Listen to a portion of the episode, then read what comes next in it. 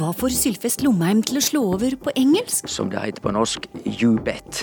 Og hva får Toril Oppsal til å synge? Hvis dine ører henger ned, kan du bruke dem til å vifte med. Jo da, gode spørsmål fra deg som hører på. Vel møtt til Språkteigens sommermiks.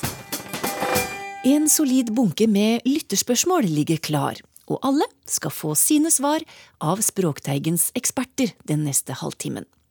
Førstemann ut er Sylfest Lomheim, og nysgjerrig fra Hamar skriver.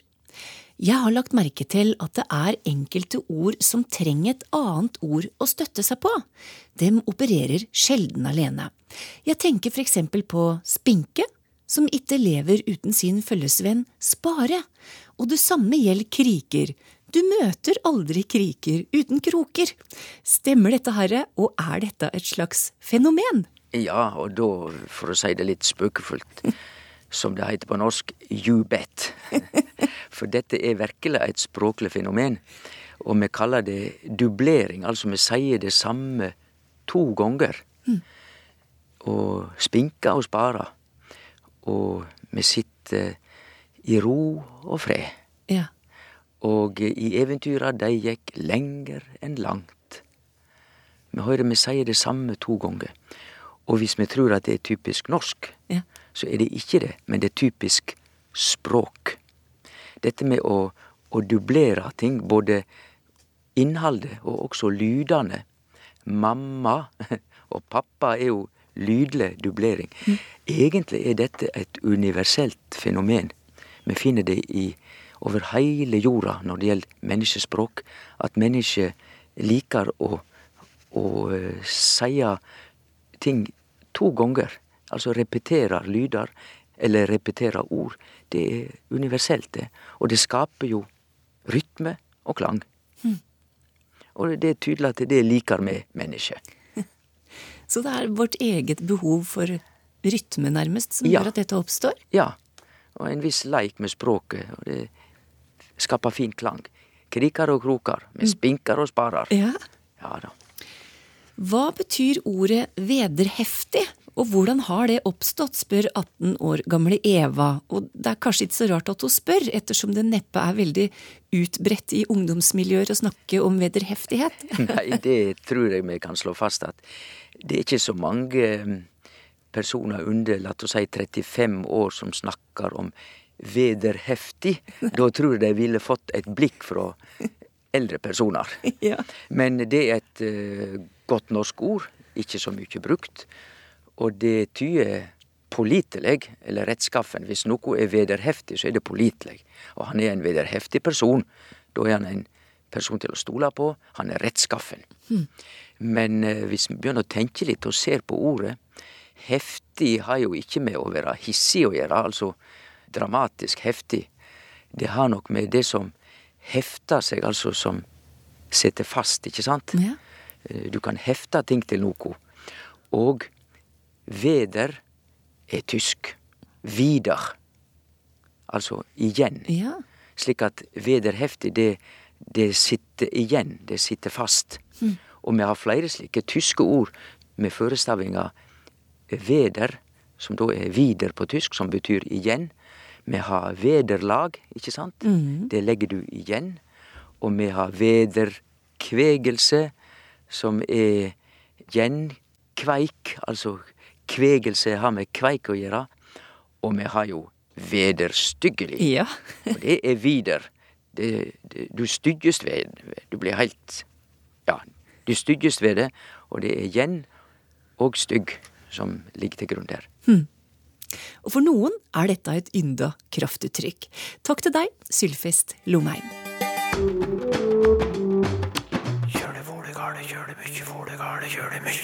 Disse kalde føtter når noen angrer seg eller feiger ut, hva kommer det av, spør Vale Klingsheim på Twitter.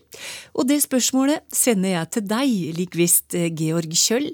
Kalde føtter, hva kommer det av? Ja, Igjen eh, så er dette et uttrykk som er litt vanskelig å forklare, som tilfellet er med mange faste uttrykk. De har fått eh, et eh, eget liv ut fra en bokstavelig mening ofte, eller en forhistorie. Og det er ikke alltid vi kjenner denne, denne forhistorien. Men her er det to teorier da, som innimellom dukker opp som forklaring for at kalde føtter kan bety å være engstelig for å gå videre med noe, eller være redd for, redd for konsekvenser. Mm. Den ene teorien er at det kan ha noe med soldater å gjøre, som brukte det at de hadde forfrosne føtter som unnskyldning for ikke gå ut av skyttergravene, eller for å ikke gå ut i krigen. De kunne ikke bevege seg fordi de hadde rett og slett forfrosne føtter, og da, da var det snakk om at de ja, hadde kalde føtter. Og en kaldfoting var da en som ikke turte å gå ut i strid. Men en annen forklaring er at eh, at det har med det å ikke ha sko å gjøre. Eh, så hvis du ikke har sko på beina, så blir du fort eh, kald. Og eh, det å ikke ha sko på beina er ofte tegn på at man er fattig. Og hvis mm. man spiller hasardspill og er fattig, så kan man si at nei, man har kalde føtter, så man har ikke mer penger å satse. Men dette kan da omfortolkes som at ja, her er det snakk om noen som rett og slett var for feige til å spille på den, den hånden de hadde. Mm. Vet vi noe om hvordan det har kommet inn i norsk språk, da? Mest sannsynlig fra engelsk. Eh, så Oxford English Dictionary snakker om eh, den første kjente skriftlige kilden på denne metafor, metaforvarianten av kalde føtter fra 1896. Og vi finner ikke noe eldre enn det på norsk. Det, det er litt ut på 1900-tallet at vi ser at det begynner å bli brukt med denne overførte betydningen på, på, norsk også, så mest sannsynlig har det kommet eh, inn via engelsk. Og temperatur, og nærmere bestemt kulde, finner vi at i flere uttrykk? Ja, Det er jo en del, av, eh, en del, av, eh, disse uttrykkene som har med temperatur og kroppslig fornemmelse å gjøre, som har satt seg i, eh, satt seg i norsk. Da. Det er jo en veldig vanlig mekanisme, dette her, så det er ikke så rart at, rart at uttrykket har festet seg. Vi snakker om at det går kaldt nedover ryggen på en hvis, hvis man er redd for noe, f.eks. Ja. Man kan ha et kaldt hjerte, eller vise en kald skulder, eller ha en kald latter, eller gjøre noe med en kald beregning. Og da kanskje være kaldblodig. Eller så kan man helle kaldt vann i, i blodet på noen. Eh, eller holde hodet kaldt, som er å være rolig. Eller en annen variant av det er, av det er kaldsindig. Men vi snakker også om eh, å få en kalddusj, som er en overraskelse. Eh, alle disse tingene dukker opp fordi vi Det, er en så utrolig gjenkjennbar ting, dette med temperatur og å merke temperaturforskjeller på kroppen. Så det er et veldig takknemlig utgangspunkt for å lage, lage bilder. Eh, lage bilder i språket. Da. Mens med kalde føtter så, så, skiller det kanskje seg litt ut, fordi det er ikke en så klar overgang mellom den bokstavelige, den bokstavelige varianten, som går langt, langt tilbake i tid, og som vi har brukt, brukt lenge om når vi snakker om f.eks. sykdomssymptomer som kalde føtter, til denne nye betydningen. men eh, like fullt så har det festet seg og spredt seg litt pga. Eh, den tette koblingen til det kroppslige. Mm. Vet vi noe om dette behovet for å lage språklige bilder, når det oppsto? Det har nok like gammelt som, eh, som, eh, evnen til å kommunisere eh, i seg selv. Altså fordi når man skal lage nye uttrykk, eller når man skal formidle en eller annen mening man har i hodet, så er man avhengig av å gjøre seg forstått på en eller annen måte. Og da bruker man de ressursene man kan. Og hvis dette er en ny mening, et eller annet som ikke er festet i, i språket, så heller enn å bare finne på et ord og så definere det, så bruker man gjerne et utgangspunkt man har felles. Mm. Og det vi alle har felles, er jo eh, kroppen vår og omgangen vår med verden. Så da, da, vil man gjerne eh, bruke gjenkjennbare ting. Så kroppslige fornemmelser og bruk av kroppsdeler i språk og sånn er jo i hundre eller tusentall på, på, norsk og på andre språk. Nettopp fordi det er så et takknemlig utgangspunkt, et gjenkjennbart utgangspunkt for eh, det å skape mening og, og få andre til å skjønne hva man sier. Og så uh, har man ikke tid til å drive og definere ting, eller så blir det litt sånn ustilig å si så nå skal jeg bruke et nytt ord, så dermed nå må du følge med, for det betyr sånn og sånn. Da er det mye lettere å heller trekke på noe som er litt gjenkjennbart, og så stole på at uh, mottakeren skjønner uh, sammenhengen og klarer å resonnere seg fram til det. Mm. Språk er jo i stor grad en, en gjettelek, og dette er et, et resultat av det. Mm. Og når det gjelder kalde føtter, så har vi altså presentert to teorier om bakgrunnen for det. Takk til deg, lingvist Georg Kjøll. Dagens gjenhør kan kanskje lokke fram sommersmilet? For er det slik at det er forskjell på hvordan kvinner og menn omtaler det å late vannet? spurte Språkteigen tidligere i år. Spørsmålet dukka opp i TV-programmet Eides språkshow etter henvendelse fra en seer. Vi skal ta eh, noe pisspreik her fra en gynekolog i Oppland. Han har i mange år tatt eh, hånd om kvinner fra hele regionen og operert dem for urinlekkasje. Og dermed blir det jo en del snakk om pissing. Eld og tissing, som jo damer sier, ikke sant? Ja da, damer sier tissing. Ja, Og menn sier Pissing. Hvorfor er det sånn? Fordi at uh, pissing det er mer vulgært. Og tissing det er mer feminint. Men det er jo veldig sånn eh, nesten konsekvent, dette her. At uh, du skal virkelig ikke si 'pisse' hvis du er dame. Det skal du ikke. Nei da, det er kun menn som sier det. Kan du si at du skal gå og tisse? Jeg bør ikke, jeg bør ikke si det. ikke det rart? Nei, det er, så, det er sånne kjønnskonvensjoner her at det er det man holder klart for hverandre. Ja. Er det noe med lydene som gjør Du vet når du sier eh, 'pissa', Ja. så uh, sier du det med lukka leppe, Mm. og så eksploderer P-en. Det er en sånn eksplosjonslyd. Jo. En plussiv eller inklusiv. Pissa. Mens når du sier Mens når du sier 'tissa', sånn, så sier du det med mer åpne lepper, og du har tunga mot uh, ganen eller mot tennene, og da blir det sånn Tissa. Så den, den er ikke sånn eksplosjonslyd. Den er ikke så mandig. Den er ikke så uh, kraftig som den er tissa. Den er mer uh, mjuk og uh, feminin. En liten stråle og Ja, sånn stor stråle. sildring og mer trøkk. Det er så gale. Ja, det er så Men det som er interessant, da, det er at vår uh, gynekolog Ja. sier da at Dette er veldig interessant, fordi det fins kvinner som sier pisse. Og som han skriver, eh, kvinner som både er velformulerte, velkledde og kommer fra møblerte heimer, forteller at de pisser på seg i visse situasjoner. Men han har gjort den observasjonen at de damene som da pisser, de kommer fra mindre plasser. I Bøverdalen og Valdres, f.eks. Mens de som tisser, kommer fra sånne tettsteder. Og som han skriver, nå har Lom fått landsbystatus, og der har kvinnene slutta å pisse og begynt å tisse. Jeg, og da spør han rett og slett om du som språkforsker eh, veit om at her er det en urbaniseringsidentifikator Nei, var det det? Uh, urbaniseringsindikator, så klart. Ja, det Ja. er det helt. Og han har gjort en veldig god observasjon. Fordi at uh, det, Klart er det kvinner som pisser òg, ikke sant? men det henger sammen med urbaniseringa og borgerliggjøringa. Det er forfining. Det er forfining, ja. Det var Eides språkshow, med en påstand altså om at flest menn sier pisse, og flest kvinner sier tisse. Ei av de som satt og så på dette, tenkte ja, du kan jo få si det sjøl, språkviter og helsekommunikasjonsforsker ved NTNU Heidi Gilstad. Hva tenkte du egentlig? Som humanist og som språkviter så er jeg jo opptatt av å stille spørsmål til en del vedtatte sannheter. Så da språkprofessoren påstod at kvinner sier tisse og menn sier pisse, så var det jo mange spørsmål som ble trigga i mitt hode. For eksempel stemmer den påstanden om at det er forskjell på hvordan kvinner og menn uttaler og omtaler fenomenet. Så da bestemte du deg for at denne påstanden her må jeg finne ut et litt sikrere svar på. Ja, Du kaller dette her en uhøytidelig undersøkelse av fenomenet, og hva legger du i det? Ja, det er en uhøytidelig undersøkelse på grunn av at temaet er kanskje litt sånn lattervekkende og litt tabubelagt. Mm. Og dette temaet er et veldig godt eksempel på folkelig humor. Og jeg har over tid egentlig vært opptatt av folkelig humor i litteraturen. Og dessuten så følte jeg litt behov sjøl for å gjøre det klart at temaet egentlig ikke er en sånn hovedbeskjeftigelse som forsker, men at det her var noe jeg gjorde på gøy på fritida fordi at jeg er en språknerd. Så hvordan gikk du fram, da? Fra arbeid med forskning så kjenner jeg jo til ulike verktøy og metoder som jeg kan bruke for å få svar på spørsmål. Så jeg skrev ned noen spørsmål i et nettbasert verktøy for spørreundersøkelser og publiserte på grupper på Facebook som er opptatt av dialekter og språk. Og responsen var veldig stor.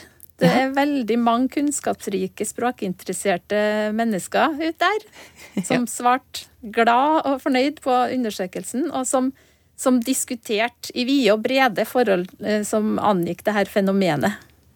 Da er jo spørsmålet stemte påstanden til eh, Gudstein Akselberg? Ja, eh, studien her viste at Akselberg har rett i at kvinner er meldt tilbøyelig til å si tisse, og langt flere menn enn kvinner vil velge en variant av ordet pisse. Hm. Men eh, bruken av ordene avhenger av hvem de snakker med, og om det er i formelle eller uformelle sammenhenger. Eh, informantene øste jo av tanker og erfaringer her. F.eks. for eksempel så er det noen som sier 'har aldri i mitt liv brukt pisse'. En, annen, en av informantene brukte ordet pisse i mer formelle sammenhenger, mens Pesse var den mer familiære formen. Jeg varierer nok bruken av pisse og pesse. Så var det en informant som stussa over hvorfor språklige framstillinger av fenomenet var tabu. Så dette er en av de mest grunnleggende funksjon naturelle, som en sier. Hvorfor er det tabuisert? Og en vil ikke engang eh, skrive forskjellen på det. Av en eller annen grunn var P prikk, prikk, prikk, prikk mye styggere enn T. Prikk, prikk, prikk, prikk. Ja, Viser undersøkelsen det? At å bruke de konkrete orda føles tabu? Ja, mange, mange, av begge kjønn ville velge et nøytralt uttrykk for å slippe å bruke noen av de her ordene. Og selv om dette er handlinger som alle mennesker utfører flere ganger per dag, og, eh, så er det i ulike sammenhenger regna som tabu og vulgært å uttrykke det eksplisitt. Og du fikk jo mange kreative forslag til hvordan unngå å si nettopp disse to ordene. Ja, det var jo flere som refererte til mange forskjellige varianter av um, fenomenet. For eksempel pudre nesen, eller en tur på avtredet eller um, slippe skjæret. uh, kaste dugg av rosen. Forlate vannet. Lette på trykket. Tømme tanken. Skal ta meg en tur på kontoret. Skal poste et brev. Eh, ta en vannepause. Skal ut på tur. Men hvorfor i det hele tatt bruke tid på å undersøke ja, pisspreik, da, rett og slett? Det handler, det handler, jo om ganske mye mer enn bare det skillet mellom tisse og pisse. Eh, så til daglig jobber jeg jo som helsekommunikasjonsforsker, og jeg har gjort flere prosjekter av samtaler i helsevesenet som samtaleforsker. Mm. Og konsultasjoner mellom helsepersonell og pasienter er jo samtaler med tema som kan være vanskelig og alvorlig. Og språket som brukes, tilpasses situasjonen. Mm. Og normene og forventningene til det som ligger i denne type samtaler. Uh, og på sett og vis så kan man jo dra denne lille undersøkelsen inn og vise relevansen av det, fordi at ofte i, i, i, samtaler med legen så kan man jo, ser man jo gjennom i forskninga at uh, pasienten frambringer det tabubelagte, eller det som er vanskeligst å snakke om, når de er på vei ut av konsultasjonen. Det kan òg være at de da har sittet og tenkt hvordan skal jeg fortelle om det her? Hvordan ord skal jeg bruke?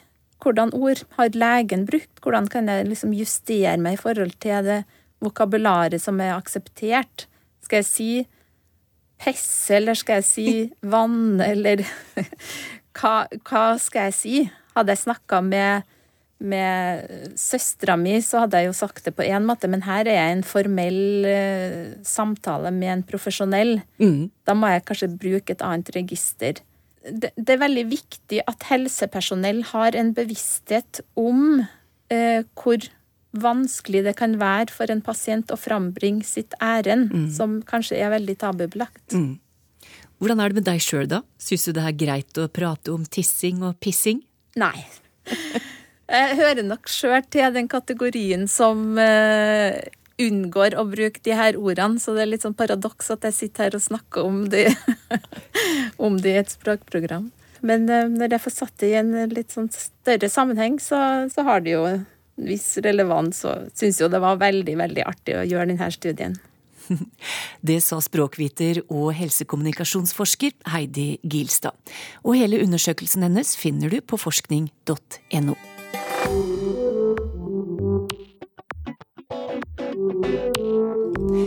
Neste spørsmål kommer fra Einar O. Hanserud og går til Tor Erik Gjenstad.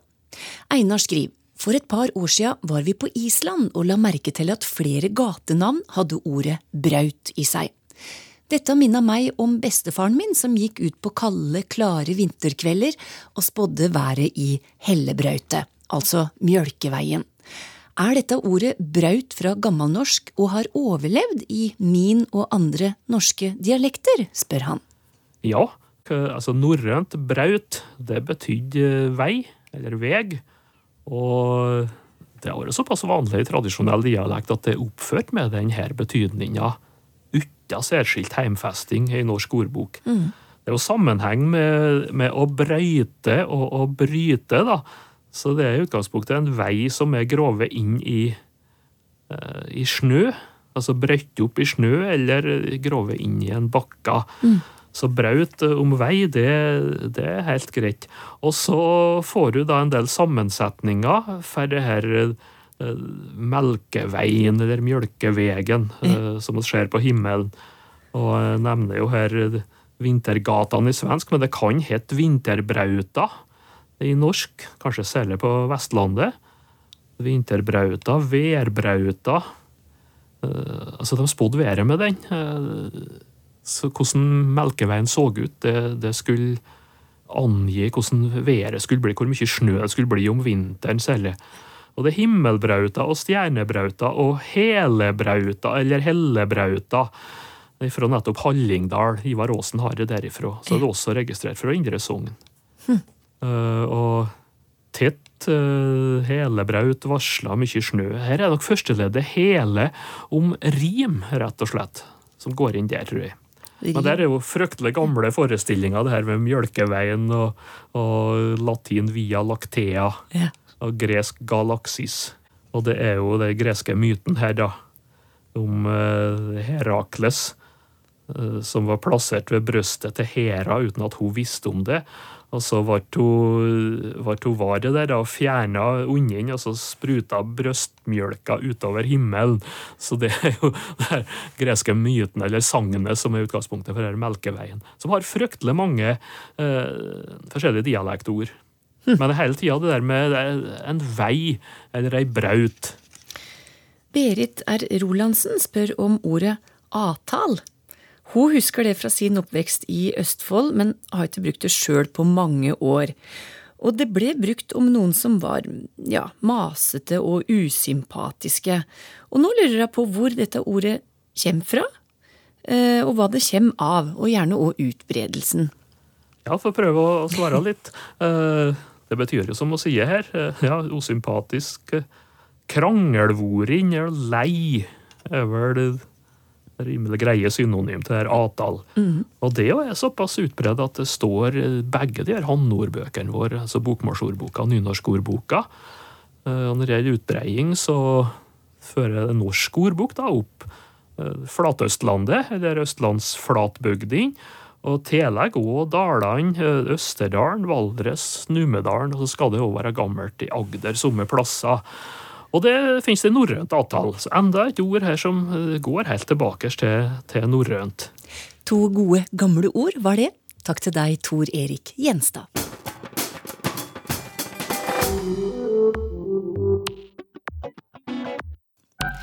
Toril Oppsal, du skal få et litt artig artig spørsmål her. Da jeg var lita, skriver Jannicke Falk, trodde jeg at ordet løsøre hadde noe med løse ører å gjøre. Jeg så for meg løse ører som fløy rundt i lufta, og riktig dramatisk ble det da jeg hørte om van Goghs avskårne øre. Nå vet jeg hva det betyr, men hva er opprinnelsen? Å, jeg skulle ønske det var mulig å synge Hvis dine ører henger ned, kan du bruke dem til å vifte med, men det er nok ikke de. Det er ikke de ørene der. Dette her er øre Eh, i betydningen gods. Eh, og løs er det som ikke sitter fast. Så dette her er på sett og vis helt det motsatte av fast eiendom, som da vil være jorda eller huset ditt eller skogen din, mens det som kan flyttes på, det er løsøre. Og øret her har nok rett og slett samme opphav som mynten, øre. Eh, vi har kanskje ikke så mange ører lenger, men, men, men, men dette her er aureus, gullmynt på latin. Så da kan vi jo se for oss at vi har både gods og gull, kanskje. Men dramatisk er det ikke, med mindre du glemmer å registrere noe i løsøreregisteret, som også, som også fins. Så, så dette er nok øre som gods som ikke sitter fast. Jeg heter William Varnsnes og er sju år. Og jeg lurer på hvorfor fjær, som brukes til å dempe noe, heter det samme som fjær på fugler. Og dette kan ikke pappa svare på, skriver han. Skal vi se om jeg kan hjelpe pappa? jeg, jeg, her er det to svar. Eh, det ene er at dette er det samme ordet, og det andre er at det ikke er det samme ordet. Så det er et veldig, veldig godt spørsmål. Så her tror jeg dere kan ha en fin eh, samtale i familien også. Fordi disse fjærene som dekker kroppen på en fugl, mm. det ordet har vi hatt lenge. Det har vi hatt helt siden norrøn tid, og kanskje enda lenger. Dette her er et gammelt arveord. Fjodr mm. på fugl. Denne andre varianten, fjær som brukes til å dempe noe, som gjerne er en elastisk konstruksjon av stål, mm. den har vi lånt fra tysk. Så ordet høres helt likt ut, men det har kommet på ulike tidspunkter inn i norsk. Så der har du ett svar. Men hvor er det tyskerne har henta sin stålfjær fra? Jo, det er jo fra den uh, fuglefjæra. Oh. Og det er ikke helt godt å si når det skjedde, men antagelig så skal vi tilbake til tidlig 1700-tall. Og det som kan ha skjedd, og sannsynligvis har skjedd, er at noen har sett på en fuglefjær. Og den er ganske elastisk, den er bøyelig. Og så har de overført dette ordet til den nye tingen. Det er rett og slett det at en elastisk stålkonstruksjon ligner litt på fuglefjær. Hmm. Eh, så her handler det om tidspunkt for innlån, når vi tar det i bruk. Og denne andre betydningen som vi har lånt fra tysk. Det er, så, altså veldig, veldig mange ord som eh, dukker opp i forbindelse med handel og håndverk. Og seinere enn vi ser en fugl, så begynner vi å drive med avansert håndverk og maskineri. Eh, og tekniske oppfinnelser. Mm. Så dette her er ord som igjen har samme opphav. Langt, langt tilbake så har de begge opphav i en felles verbalrot som betyr noe sånn som å fly eller å falle. Eh, og det handler jo også om bevegelse. Så dette er det samme ordet, men betydningene har kommet inn på forskjellige tidspunkt i norsk. Og antagelig fordi de ligner litt på hverandre. Svaret til William ble det siste i dag. Takk til deg, Toril Oppsal, og ha det bra.